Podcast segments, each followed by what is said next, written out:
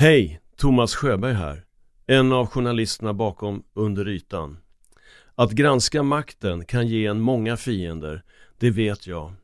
För att vi ska kunna fortsätta granska de historier som finns under ytan ger vi dig möjligheten att stötta oss genom att bli medlem av Under ytan plus för 39 kronor i månaden. Då kan du förhandslyssna på hela serien direkt utan reklam samtidigt som det möjliggör vårt fortsatta arbete. Följ bara länken i avsnittsbeskrivningen. Tack för att du lyssnar. A lot can happen in three years, like a chatbot may be your new best friend. But what won't change? Needing health insurance. United Healthcare Tri Term Medical Plans, underwritten by Golden Rule Insurance Company, offer flexible, budget friendly coverage that lasts nearly three years in some states. Learn more at uh1.com. There's never been a faster or easier way to start your weight loss journey than with PlushCare. PlushCare accepts most insurance plans and gives you online access to board-certified physicians who can prescribe FDA-approved weight loss medications like Wigovi and Zepbound for those who qualify. Take charge of your health and speak with a board-certified physician about a weight loss plan that's right for you. Get started today at plushcare.com slash weight loss. That's plushcare.com slash weight loss. plushcare.com slash weight loss.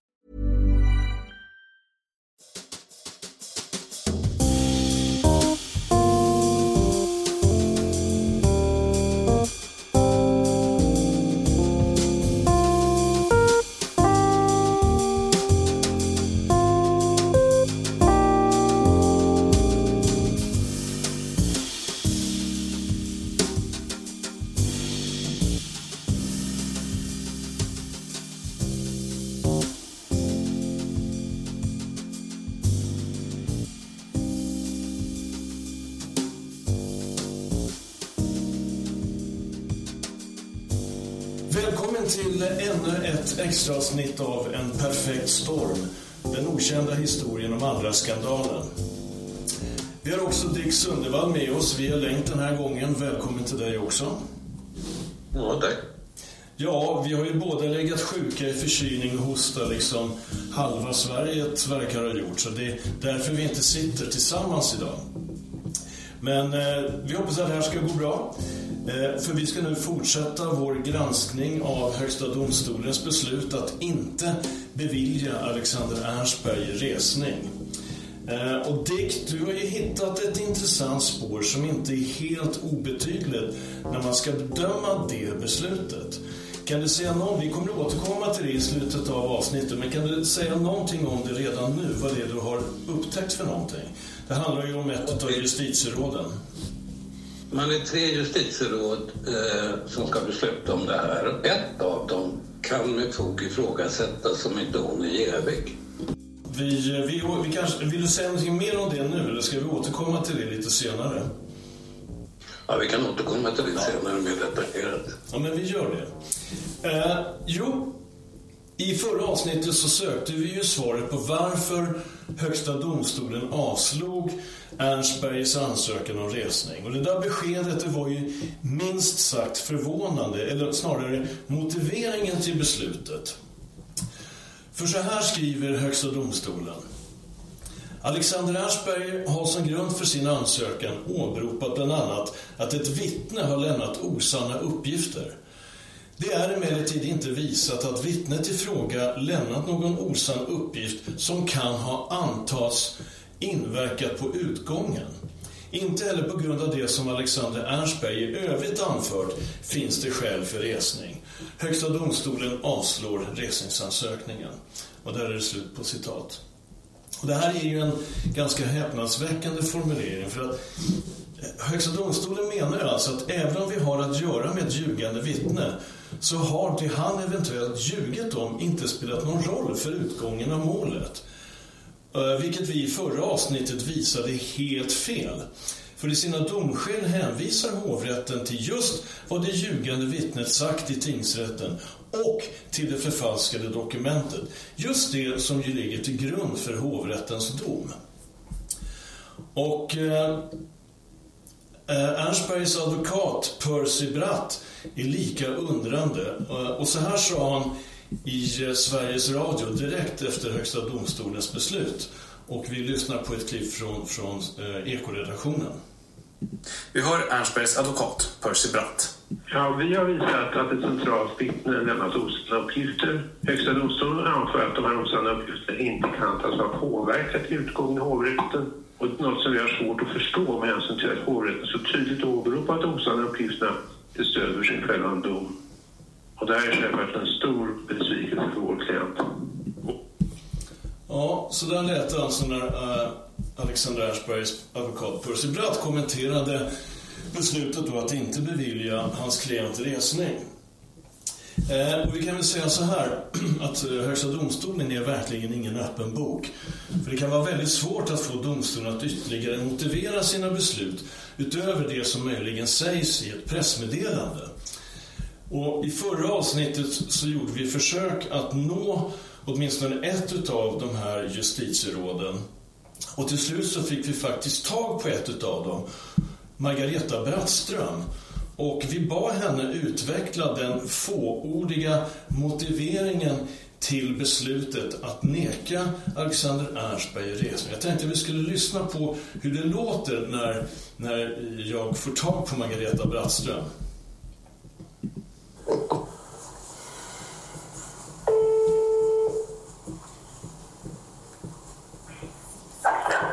Ja, men hej, Thomas Sjöberg heter jag. Jag är journalist. Hallå? Ja, fint. Jo, jag söker det med anledning av att jag gör en podcast eh, som heter Under ytan. Förlåt. Och vi har tidigare eh, granskat andra fallet. Eh, och nu skulle jag vilja, om du har möjlighet nu, att svara på lite frågor beträffande det beslut som ni fattade i Högsta domstolen att inte bevilja Alexander Ernstberg resning. Och vi, vi kommunicerar ju genom det skriftliga beslutet och det är ju det som vi har fattat. Jo, jag förstår det, men det är ju precis den kommunikationen som vi inte riktigt förstår. Därför att ni skriver ju att det här, det här vittnet då som försvaret menar har, inte har berättat sanningen i tingsrätten och han har använt sig av ett förfalskat dokument att det inte hade någon, någon betydelse för utgången i Svea hovrätt. Det stämmer ju inte. Och då börjar vi diskutera i sak och den saken ja. har vi tagit ställning till. Jo, men om, om, om jag ser om jag, jag måste ju som journalist kunna ifrågasätta ett beslut som jag ja, vet inte stämmer därför att ni... Förlåt, ja. Men, men du, vi får göra så här att jag, jag ska... Jag var enda som på plats igår. Ja. Att, och då var ju en kollega sjuk, han är fortfarande sjuk, mm. och Agneta var borta. Mm. Eh, och Peder, eller Oskar var det som jag varit i kontakt med. Vi har ju sagt att vi ska svara dig på något, men jag jag, vi skickar meddelande genom Oskar. Jo, men jag, jag är ju fort, det är först nu som jag ställer min fråga. Jag, jag har inte ställt frågan tidigare. Nej, men då återkommer vi om vi ens vill vara med i något. För vårt sätt att kommunicera är våra skriftliga beslut. Jo, men om man då in, ser att ett skriftligt beslut inte håller sig till, till de faktiska omständigheterna så måste man ju kunna avkräva er ett svar. Men ja. vi, vi återkommer med svar på om, om vi är tillgängliga för intervju. Jaha, okej. Okay. Om ni är tillgängliga för intervju? Ja. Okej. Okay. Ja. Ja. När, när gör ni det, tror du? Jag tror att jag träffar mina kollegor imorgon. Okej. Okay. Ja, jättebra. Ni har mitt telefonnummer? Det har jag ju här i alla fall. Och eh, möjligen att du får svar genom Oskar. Eh, Oskar och Oskar är... Som du, som, som du hörde av dig till. Ja, ja, nu minns jag. Ja, jag fattar. Okej. Okay. Ja, all right. Tack så mycket så länge. Tack. Mm. Hej, hej.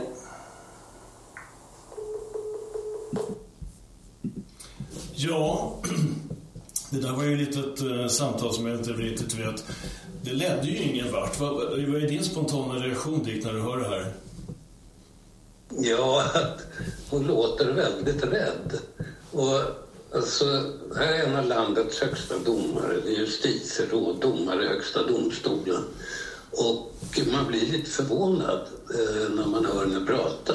Därför att hoppsan, det var en journalist och vad gör jag nu? Så känns det. Eh, och så då samlar kollegorna. Och, eh, ja, det, det, är lite förvånande. Man, man, förväntar sig på den nivån att de ska kunna svara på raka frågor. Mm. Ja. Alltså, om hon inte vill svara så att de då säger det. Nej, jag tänker inte uttala mig om det här mer än vad vi har skrivit. Ja, ja, får man ju ta det. Ja, eh, det lät ju onekligen hoppfullt ändå det hon sa att hon skulle återkomma, kanske skulle återkomma med en kommentar. Men då är det också så att senare samma dag så fick jag ett mejl från den här Oskar Persson eh, som hon pratade om, som är administrativfiskal eh, administrativ fiskal på Högsta domstolen. Och eh, det här, så här låter det svar jag fick från honom. Hej Thomas! Jag har stämt av din intervjuförfrågan med justitieråden Agneta Bäcklund, Petter Asp och Margareta Brattström. De är dessvärre inte beredda att ställa upp på någon intervju.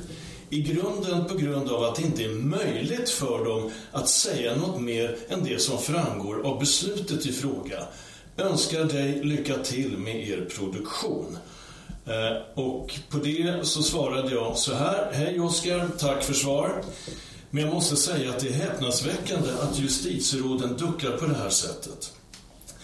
Det åklagarens huvudvittne påstod i tingsrätten var avgörande för åtalet trolöshet mot huvudman och därmed för hovrättens dom. Vi vet att, både, att vittnet både ljög under ed och förfalskat det dokument, alltså trading checklist, som låg till grund för hovrättens bedömning av skuldfrågan.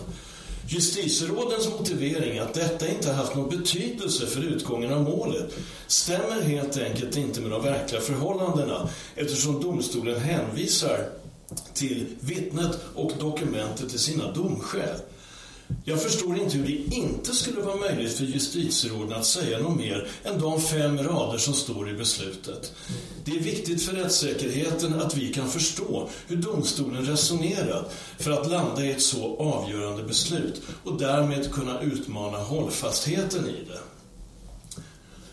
Och det var mitt svar och därefter ekade tystnad från Högsta domstolen. Okej, okay, tänkte jag, eller vi, då får väl Svea hovrätt svara på våra frågor. Då. För det är ju nämligen så att Högsta domstolen anser ju då att hovrätten inte hade ändrat sin dom om de hade känt till att vittnet hade ljugit. Och då eh, ringde vi upp eh, Camilla Olsson som var ordförande när hovrätten dömde Alexander Ernstberg och de andra i andras ledning till långa fängelsestraff, näringsförbud och skadestånd på 170 miljoner kronor. Och det är nu Dick, som hela den här saken antar Kafka-liknande proportioner. För Camilla Olsson, eh, en annan av landets högsta jurister, verkar helt enkelt inte vilja förstå vår enkla fråga. Och vår enkla fråga är ju om hovrätten känt till att åklagarens vittne lämnat osanna uppgifter baserade på ett förfalskat dokument hade ni då kommit fram till samma slutsatser i domskälen beträffande andra ledningens skuld? Och eh, jag tänkte att vi skulle lyssna på hur det låter när Camilla Olsson svarar på den frågan. Ja, Thomas Sjöberg. Ja, hej Camilla Olsson. Ja, hej. Tack jag tror du hade ringt många gånger. Det var därför jag bara ville kolla vad det var jag satt med. Ja, det. Ja, jo, det är så här. Jag ringer dig med anledning av att Högsta domstolen nyligen avslog Alexander Ernstbergs ansökan om resning. Eh, och som motiv så anger Högsta domstolen att, och det här är då direkt citat från deras beslut, det är emellertid inte visat att vittnet i fråga lämnat någon osann uppgift som kan antas ha inverkat på utgången. Slutcitat. Och min fråga till dig då är ju, stämmer det här? Eh, om ni hade känt till att åklagarens huvudvittne lämnat osanna uppgifter baserade på ett förfalskat dokument, hade ni då kommit fram till samma slutsatser i domskälen? Tror du beträffande alla ledningens skuld? jag tycker du beskriver den här situationen på ett väldigt märkligt sätt. Jag tycker frågan är väldigt konstigt ställd. Ja, på vilket sätt då tänker du? Jag tänker ett huvudvittne och så vidare. Jag vet inte riktigt vad du pratar om nu. Och jag, ja, det, är ju, det är ju det här vittnet då som... som... Ja, är det ett huvudvittne i Hallamålet? Ja, okej. Okay. Låt oss kalla det för ett vittne då. Nej, men det, eh, du förstår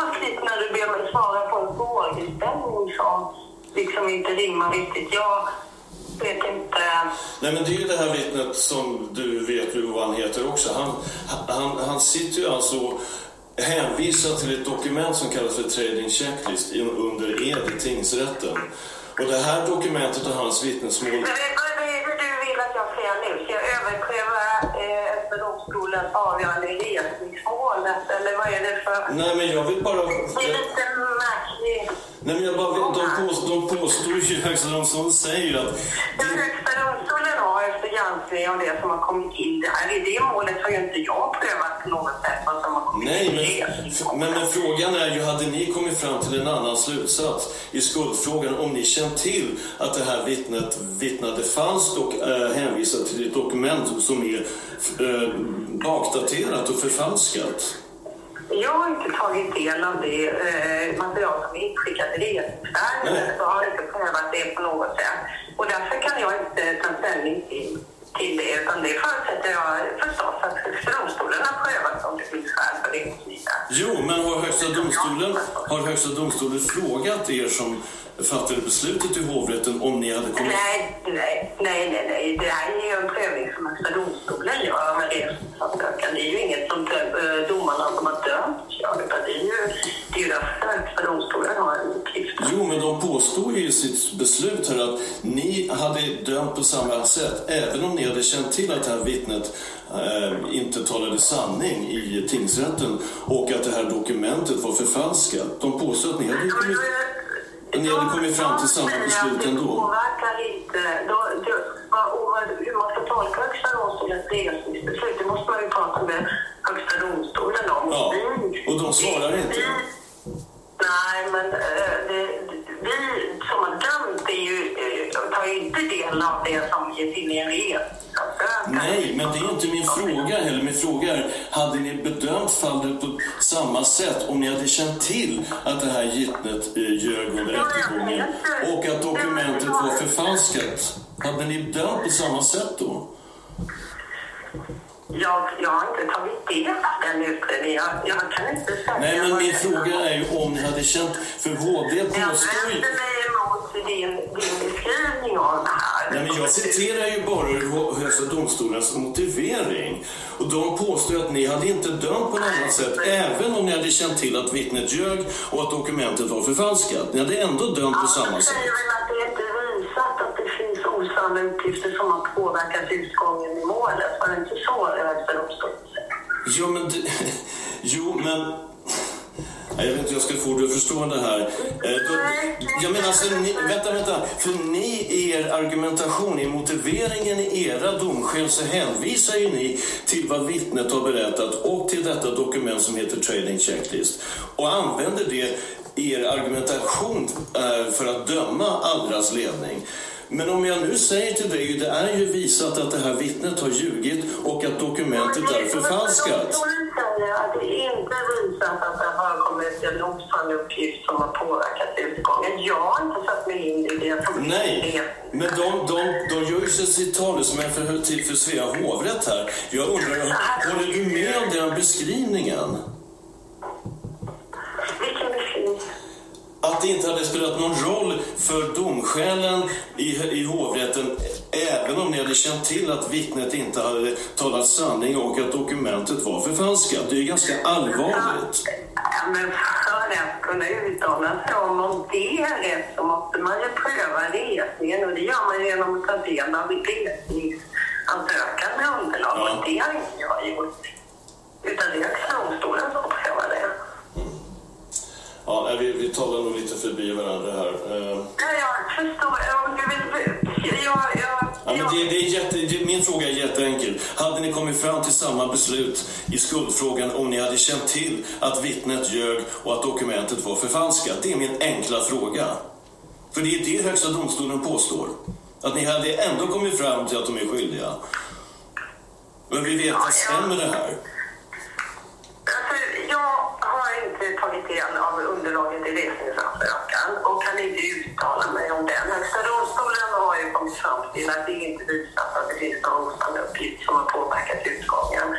Och, och Ja, men hur, hur, kan, hur kan Högsta domstolen veta detta utan att ha frågat Svea hovrätt? Ja, men det får- Ja, men det så sker ju. När man prövar en resningsansökan då tittar man ju på målet och eh, går igenom det och det gör ju resningsinstansen. Det gör vi i förhållande och det gör Högsta domstolen i förhållande till oss.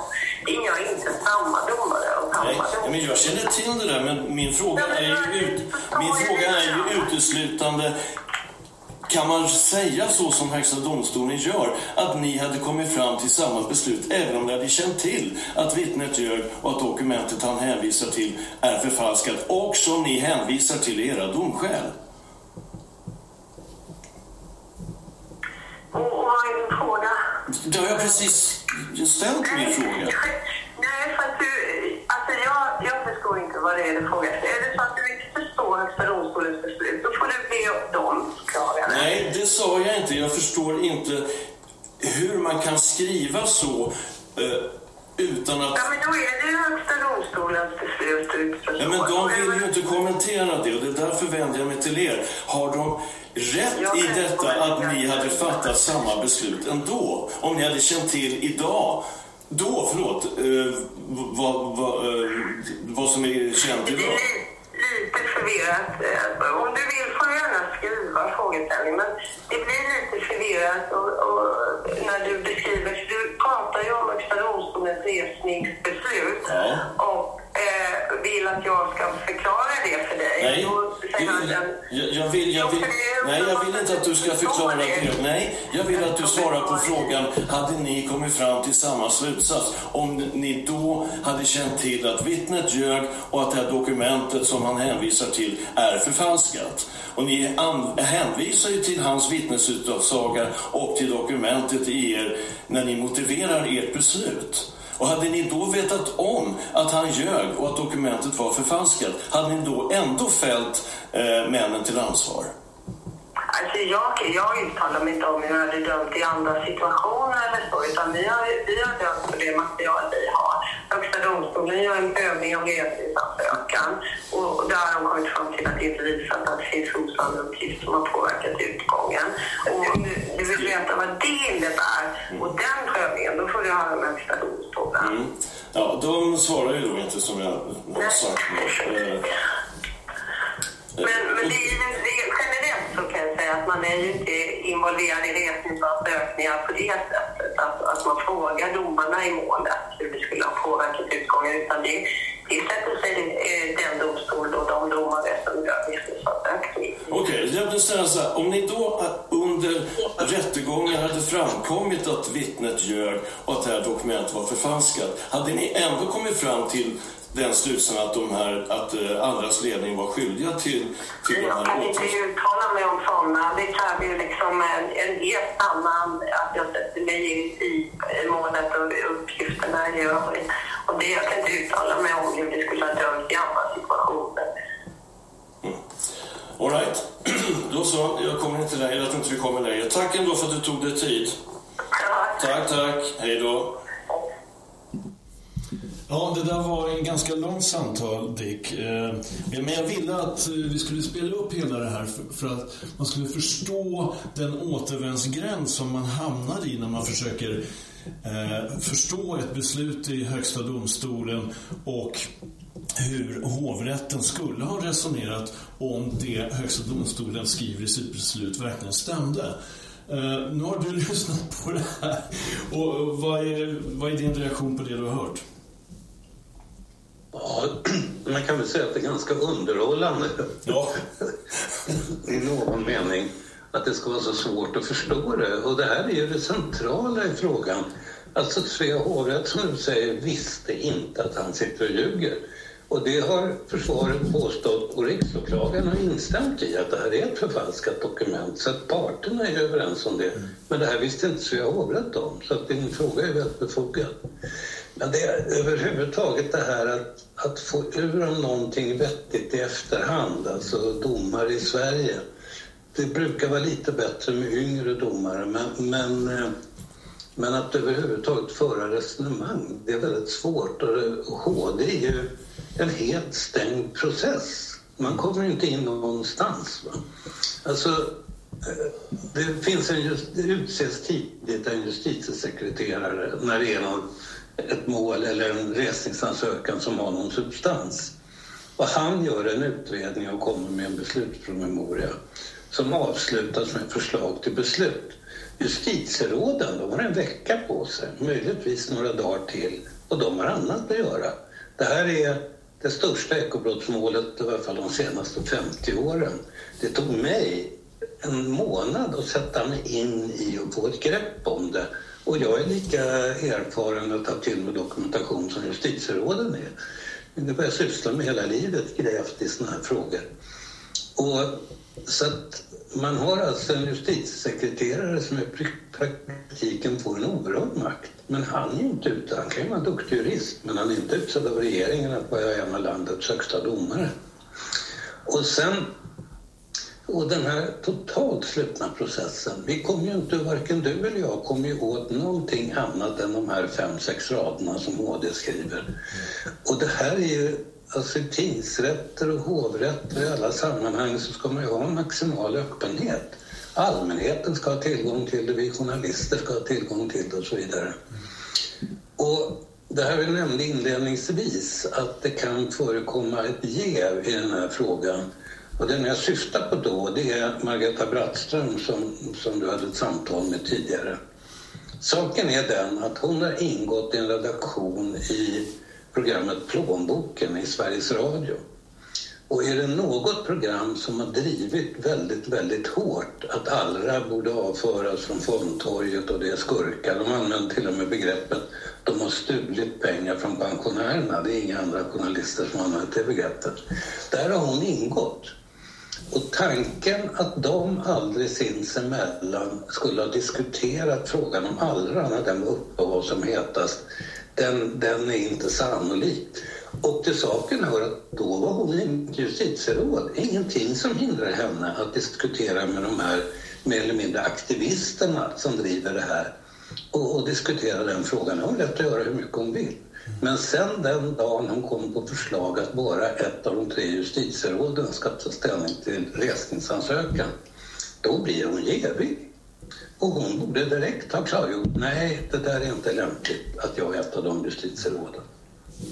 Eh, och det, det, är ganska glasklart. Sen att bevisa att de har pratat med varandra, ja, om den här frågan, det är ju svårt, men sannolikheten för att de inte skulle ha gjort det, den är i stort sett obefintlig. Mm. Låt oss, eftersom vi då pratar om det här avsnittet i plånboken där Margareta Brattström medverkade, så låt oss då lyssna på några avsnitt från det programmet.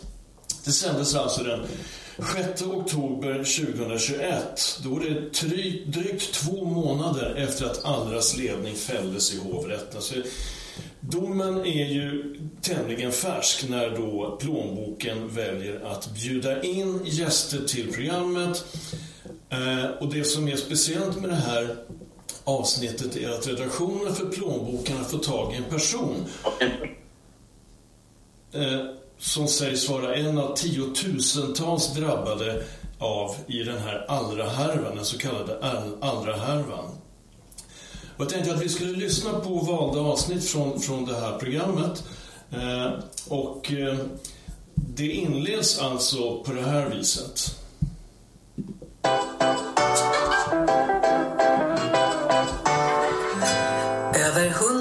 000 svenskar pensionssparade i Allras fonder. Nu är bolagets ägare dömda för att ha stulit PPM-pengarna. Då, då kände jag det att aj, aj, aj, nu är pengarna borta. Nu är det kört. Har de lurade pensionsspararna någon chans att få tillbaka sina pengar? Ja, det där, så där inleds alltså det här programmet. Man slår alltså redan från början fast att eh, andra har lurat pensionsspararna och det gör man då naturligtvis med den här hov, domen i hovrätten i ryggen. Och man har då bjudit in en kille som sägs då ha eh, drabbats av eh, eh, den här eh, så kallade andra härvan. Eh, och jag tänkte att vi skulle lyssna på vad han säger. För det är nämligen så att den här lokföraren Eh, han har alltså sparat i Allras fonder men då inte eh, när de här så kallade varanterna genomfördes utan några år senare. Och den här lokföraren har så att säga eh, en av finansrebellerna som har varit hårdför, mest hårdför i sin kritik mot Allra, Patrik Sigban. Han blir uppringd av den här lokföraren, för lokföraren vill ha lite råd och dåd i, i sitt pensionssparande. Och då får den här eh, klart för sig att den här lokföraren ska vi kunna använda som ett exempel på en lurad andra kund. Så den här lokföraren blir från och med det, både i, i Sveriges Radio och i Sveriges Television, han får ge ansikte åt den så kallade lura, lurade andra kunden. Eh, och det är ganska häpnadsväckande. Eh, men vi kan fortsätta med att lyssna på hur det låter när de andra gästerna pratar i programmet. Och en annan av gästerna är Mikael Nyman som är en annan så kallad, finans, så kallad finansrebell eh, och har också varit väldigt hårdför i sin kritik av andra. Och han finns ju med i programmet. Och nu ska vi se om jag kan hitta just det ljudklippet enkelt här. Uh, här tror jag vi får in Hans fråga om vad pengarna har tagit vägen under den här stunden. Men först vill jag säga hej och välkommen till Mikael Nyman som är chefredaktör på Pensionsnyheterna och vår expert på pensioner. Tackar. Och du har ju följt och skrivit om den här allra härvan i åratal. Och det handlar ju om att 170 miljoner av pensionsspararnas pengar försvunnit på ett olagligt sätt enligt åklagaren och domen i hovrätten kan du på ett enkelt sätt förklara hur det här har gått till? Så där har vi alltså Mikael Nyman som då bjuds in till plånboken för att förklara hur tiotusentals eh, pensionssparare i Allras fonder har kunnat bli lurade.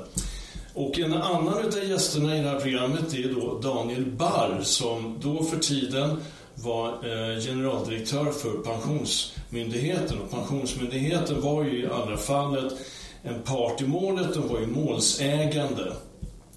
Och eh, Daniel Barr, direkt efter den friande domen i Stockholms tingsrätt vintern 2020, så några månader senare så går Daniel Barr ut i en debattartikel i Dagens Nyheter där han varnar för att om inte Svea hovrätt fäller Allra så kommer det vara totalt meningslöst att spara i den här typen av privata pensionsfonder. Det skulle vara rent utav kontraproduktivt för samhällsekonomin.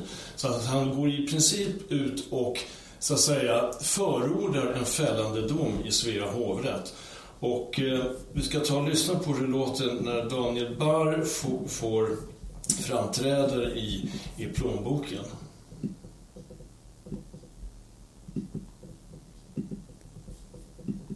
Och läsa. Mm. Vi får se hur det går med det. Och jag ska säga välkommen till Daniel Barr också, generaldirektör på Pensionsmyndigheten. Välkommen. Tack så mycket. 130 000 personer köpte andelar i Allras fond. Hur har de drabbats av det här som har hänt? Ja, som Mikael påpekade så har, har de fått en minskad avkastning på sina investeringar helt enkelt.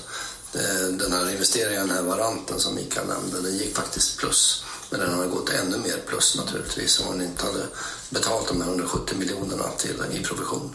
Så alla allra spararnas pengar har inte försvunnit? Nej. Allra skuld? Ja, det är ju intressant. Där bekräftar ju faktiskt Daniel Barr att alla andras pengar inte har försvunnit. Men narrativet så här långt i media eh, och från åklagarhåll är ju att andra har tagit pensionsspararnas pengar och stuckit. Och Daniel Barr bekräftar ju faktiskt här delvis att det är inte riktigt sant. Alla pengar har inte försvunnit.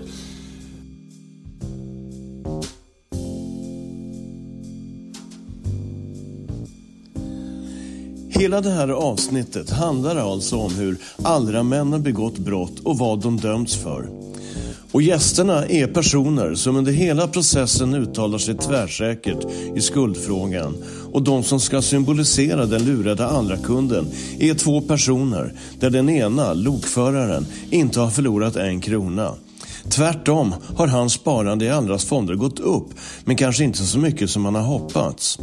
Och den andra personen som intervjuas har inte en aning om han har förlorat några pengar eller inte.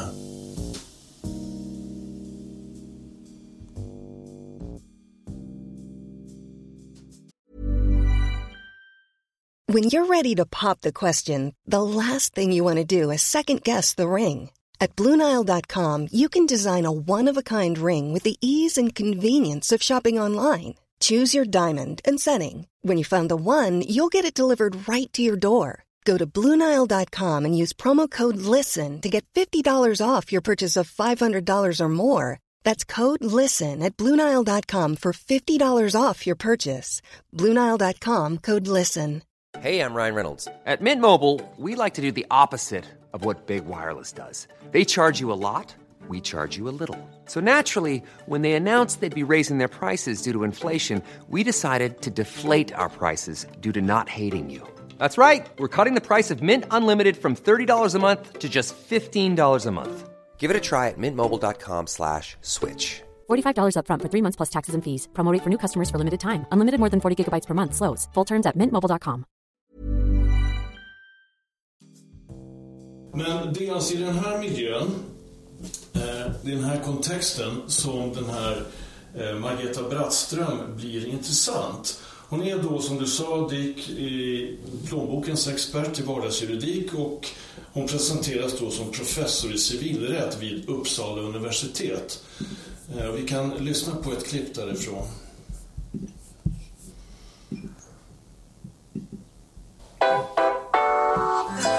Lyssnarfrågor står näst på tur och det döljer sig både besvikelse, ilska och förhoppningar bland raderna i veckans brevskörd. Och så brukar det vara när plånbokens expert på vardagsjuridik svarar. Margareta Brattström, professor i civilrätt vid Uppsala universitet. Välkommen! Tack så mycket. Du sitter Ja, det här var alltså Margareta och jag ska då förtydliga att vid den här tiden så är hon alltså ännu inte utnämnd eh, till justitieråd. Men ett drygt år senare, efter att det här programmet sändes, så får hon då den här posten i Högsta domstolen och hon tillträder sin tjänst den 17 april 2023. Eh, ja, det är alltså samma Brassen som vi hörde i det här avsnittet som ett av tre justitieråd som inte vill svara på frågor om beslutet att neka Alexander Ernstberg resning. Eh, ja, vi kan väl återkomma till det här då, Radik. Eh, Margareta Brattström, hur, ska- hur, hur ska man se på hennes eh, så att säga, roll först som privatjuridisk expert i plånboken, ett program som alltså tagit stark ställning i skuldfrågan eh, och hennes senare roll som justitieråd som en av de som ska besluta om man ska bevilja Alexander Ernstberg resning eller inte. Ja, dessutom hon är inte bara ett av justitieråden utan hon är det yngsta justitierådet i den meningen att hon är den av de tre som har varit justitieråd kortast tid. Och det går till så att den som är yngst börjar med argumentationen och talar om vad hon eller han har kommit fram till. Och här har vi då en som troligen har med all sannolikhet är mest insatt av de tre i frågan eftersom hon har ingått i den här redaktionen eh, och haft med de här figurerna att göra som har drivit frågan så hårt. Det, alltså om det här formellt är jäv, det, det kan nog diskuteras, men är hon lämplig? Nej, hon är definitivt olämplig. Och hon skulle ha sagt ifrån sig. När, det är inte självklart vilka. Det finns en viss turordning på HD, vilka man utser och så vissa hinner inte om man tar några andra. Och det får inte ens finnas en misstanke om jäv. Och hon skulle ha bara sagt det här är olämpligt. Att jag sitter... Men det har hon inte gjort. Nej, och vi kan väl säga så här att det finns fler anmärkningsvärda omständigheter kring justitieråden i Högsta domstolen. Eh, Brattströms kollega Agneta Bäcklund som också då fattade beslutet att inte medge Alexander Ernstberg resning. Hon är ordförande i någonting som heter Svenska kriminalistföreningen som har till syfte att samla intresserade till diskussioner i kriminalpolitiska frågor i vid mening. Och där sitter också rättssakkunnige Simon Rosdahl som styrelseledamot. Och Rosdahl var en av de som dömde Allras ledning i Svea hovrätt. Och Kriminalistföreningens sekreterare är Christer Lund som också han dömde Allra i hovrätten. Och föreningens adress är enligt bolagsfakta Care av Simon Rosdahl, Herkulesgatan 17 i Stockholm, alltså justitiedepartementet. Överhuvudtaget så ingår många av de här aktuella personerna i andras fall i samma nätverk. Som till exempel det som kallas Hilda. Ett nätverk bildat 2008 inom Advokatsamfundet. Och där är justitieråden Brattström och Bäcklund medlemmar, liksom tidigare riksåklagaren Petra Lund. Och det var ju hennes vikarie, Katarina Johansson Velin, som inte ansåg att Alexander skulle få resning i Högsta domstolen. En uppfattning som alltså delades av Brattström och Bäcklund. Och det var alltså... Eh, precis, och det, det är ett... vi kan ju fortsätta på den här på det här spåret. Ett annat nätverk är Nordiskt juristmöte som bildades 1872 och där nordiska jurister med olika yrkesbakgrund samlas för diskussioner i olika ämnen. I styrelsen för Nordiskt juristmöte sitter nämnda Petra Lund, alltså tidigare eh, riksåklagaren, tillsammans med hovrättslagmannen Camilla Olsson som alltså är den som dömde i Allra-målet och som vi hörde eh, mig prata med alldeles nyligen i det här avsnittet. Petra Lund hann dessutom med att vara hovrättspresident i Svea hovrätt, alltså Camilla Olssons chef innan hon utsågs till ny rikspolischef. Så om man tittar på de här sammanhangen lite grann ovanifrån så är det lätt att få intrycket att alla känner alla. De ingår i samma nätverk, de träffas regelbundet och flyttas runt på olika poster i samma ekosystem. Frågan man ändå måste ställa sig då, är inte risken stor att det därmed uppstår en konsensus i ett uppmärksammat mål som andra? Allra, där så mycket stod på spel och där så många skulle förlora i anseende i de här grupperna och där staten vid en friande dom i hovrätten skulle tvingas betala enorma skadestånd. Är det här, Dick, är det här en konspirationsteori som vi ägnar oss åt eller finns det någon bäring, finns det någon relevans i de här sammanhangen? Ja, eh, det är klart att det, det finns en relevans. Att, eh, och tänka sig att de här personerna inte skulle ha diskuterat Allra-målet när det var som hetast. Den, det kan vi liksom glömma. Det är klart att de har gjort. Eh, och sen i vilka sammanhang vet vi inte. Men, och det är dessutom självklart när de här tre justitieråden ska fatta beslut att de förstår ju vad det skulle innebära om det blev resning och det här vittnet då inte, och det blir en ny rättegång i Svea hovrätt och det här vittnet naturligtvis då inte kommer att framträda och därmed skulle det bli som i tingsrätten, de skulle frikännas och som du säger, skulle, staten skulle få betala enorma skadestånd. Och allt det här vet de, men det här ska de bortse ifrån i det här läget. Men har de gjort det? De är människor och, och den här finns där och vad det skulle betyda för olika kollegor och vad det skulle förloras i anseende. Alltihop finns ju där. Och just därför är det så viktigt att det är en öppen process. Att vi i efterhand kan titta på den. Vad var det som stod i den här utredningspromemorian? Vad var det för förslag till beslut från den här justitiesekreteraren? Och eh, hur har man resonerat? Men det är helt stängt. Det, det är fullständigt omöjligt. Det är som den eh, gamla, när kungen hade makten att besluta i såna här frågor. En stängd process när det var en aristokrati. Det... Men varför är den här utredningspromemorian inte offentlig handling, tror du? Ja, det är en väldigt bra fråga. Men jag... Det är väldigt konstigt. Ja, för där skulle man ju kunna... Där skulle man ju kunna författningar och sånt här inte skulle vara offentlig handling. Vi slår ju oss för bröstet med viss rätt inom EU och sådär för vår offentlighetsprincip. Va?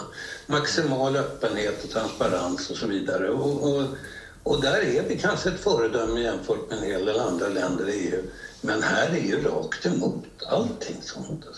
Det är en helt stängd process. Ja. Alltså, jag, jag får lite grann intrycket när jag, jag har kontakt med med justitieråden, med Högsta domstolen och Camilla Olsson på Svea hovrätt att de vill inte få frågor om det här. Och det, de hänvisar till att praxis är någonstans att man hänvisar till ett beslut i frågan eh, då i resningsärendet.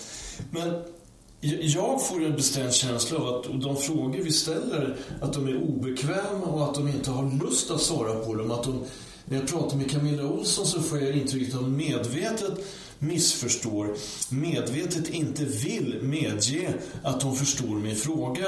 Och det första hon gör i vårt samtal är att hon hakar upp sig på att jag kallar eh, det här vittnet som ljuger i, tings, som ljög i tingsrätten eh, för åklagarens huvudvittne. Det slår ju ner på med en gång.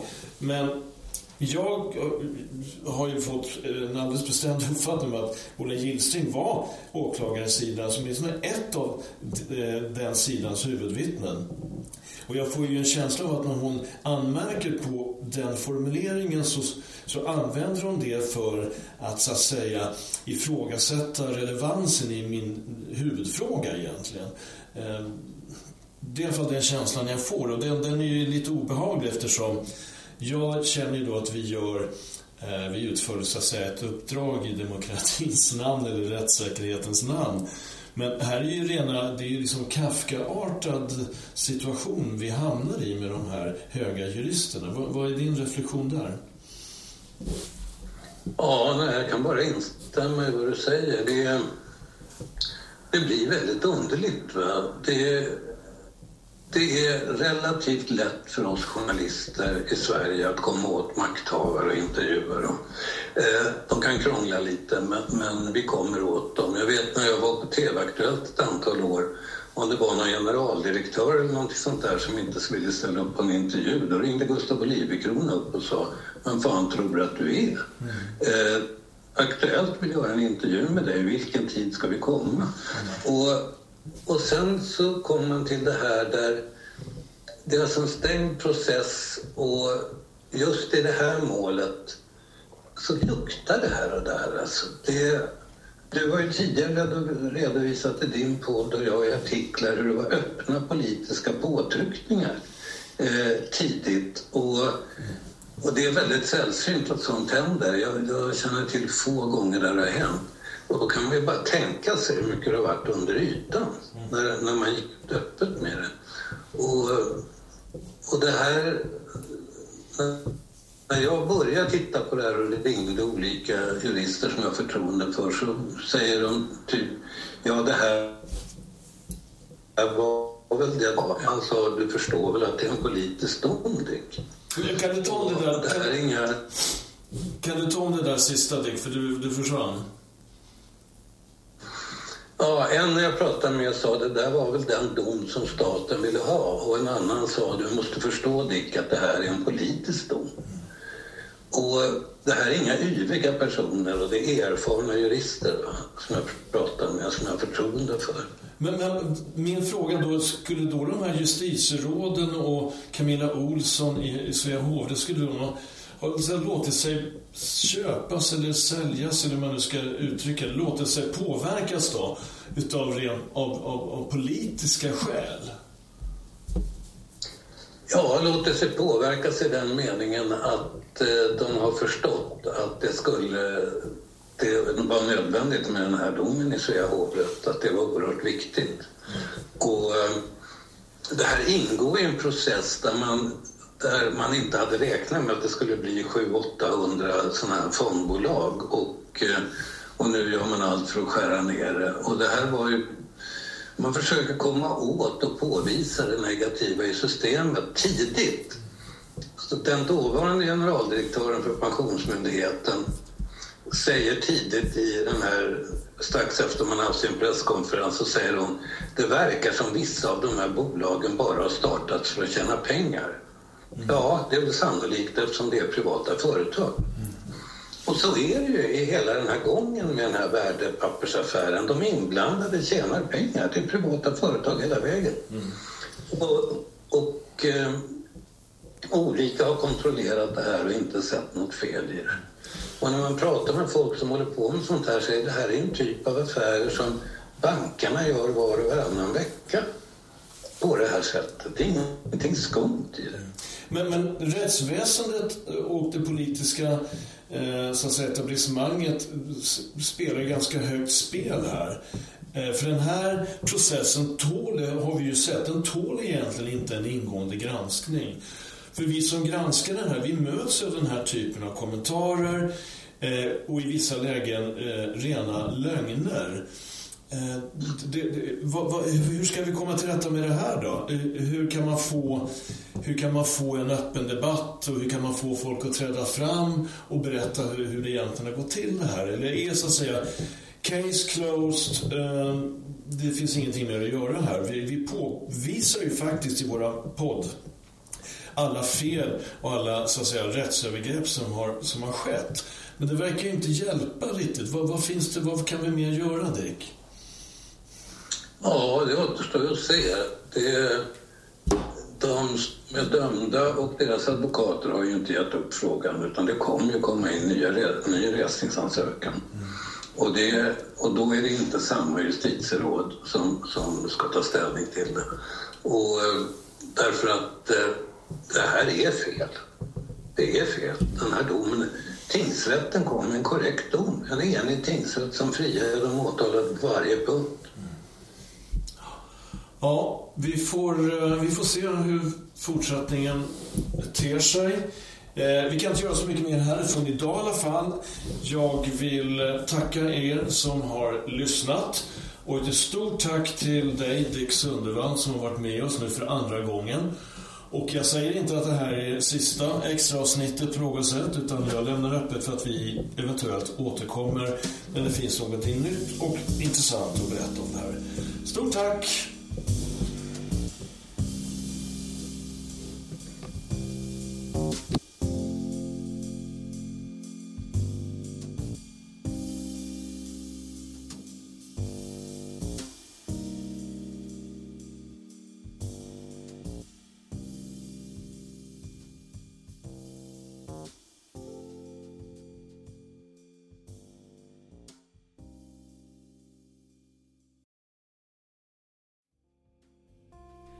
Grävande journalistik kräver mycket tid och arbete. Därför vill vi erbjuda dig ett sätt att stötta oss så att vi kan fortsätta granska historier som finns under ytan. Om du blir medlem i Under ytan plus för 39 kronor i månaden kan du lyssna på hela serien direkt utan reklam samtidigt som du möjliggör vårt fortsatta arbete. Följ bara länken i avsnittsbeskrivningen. Tack för att du lyssnar.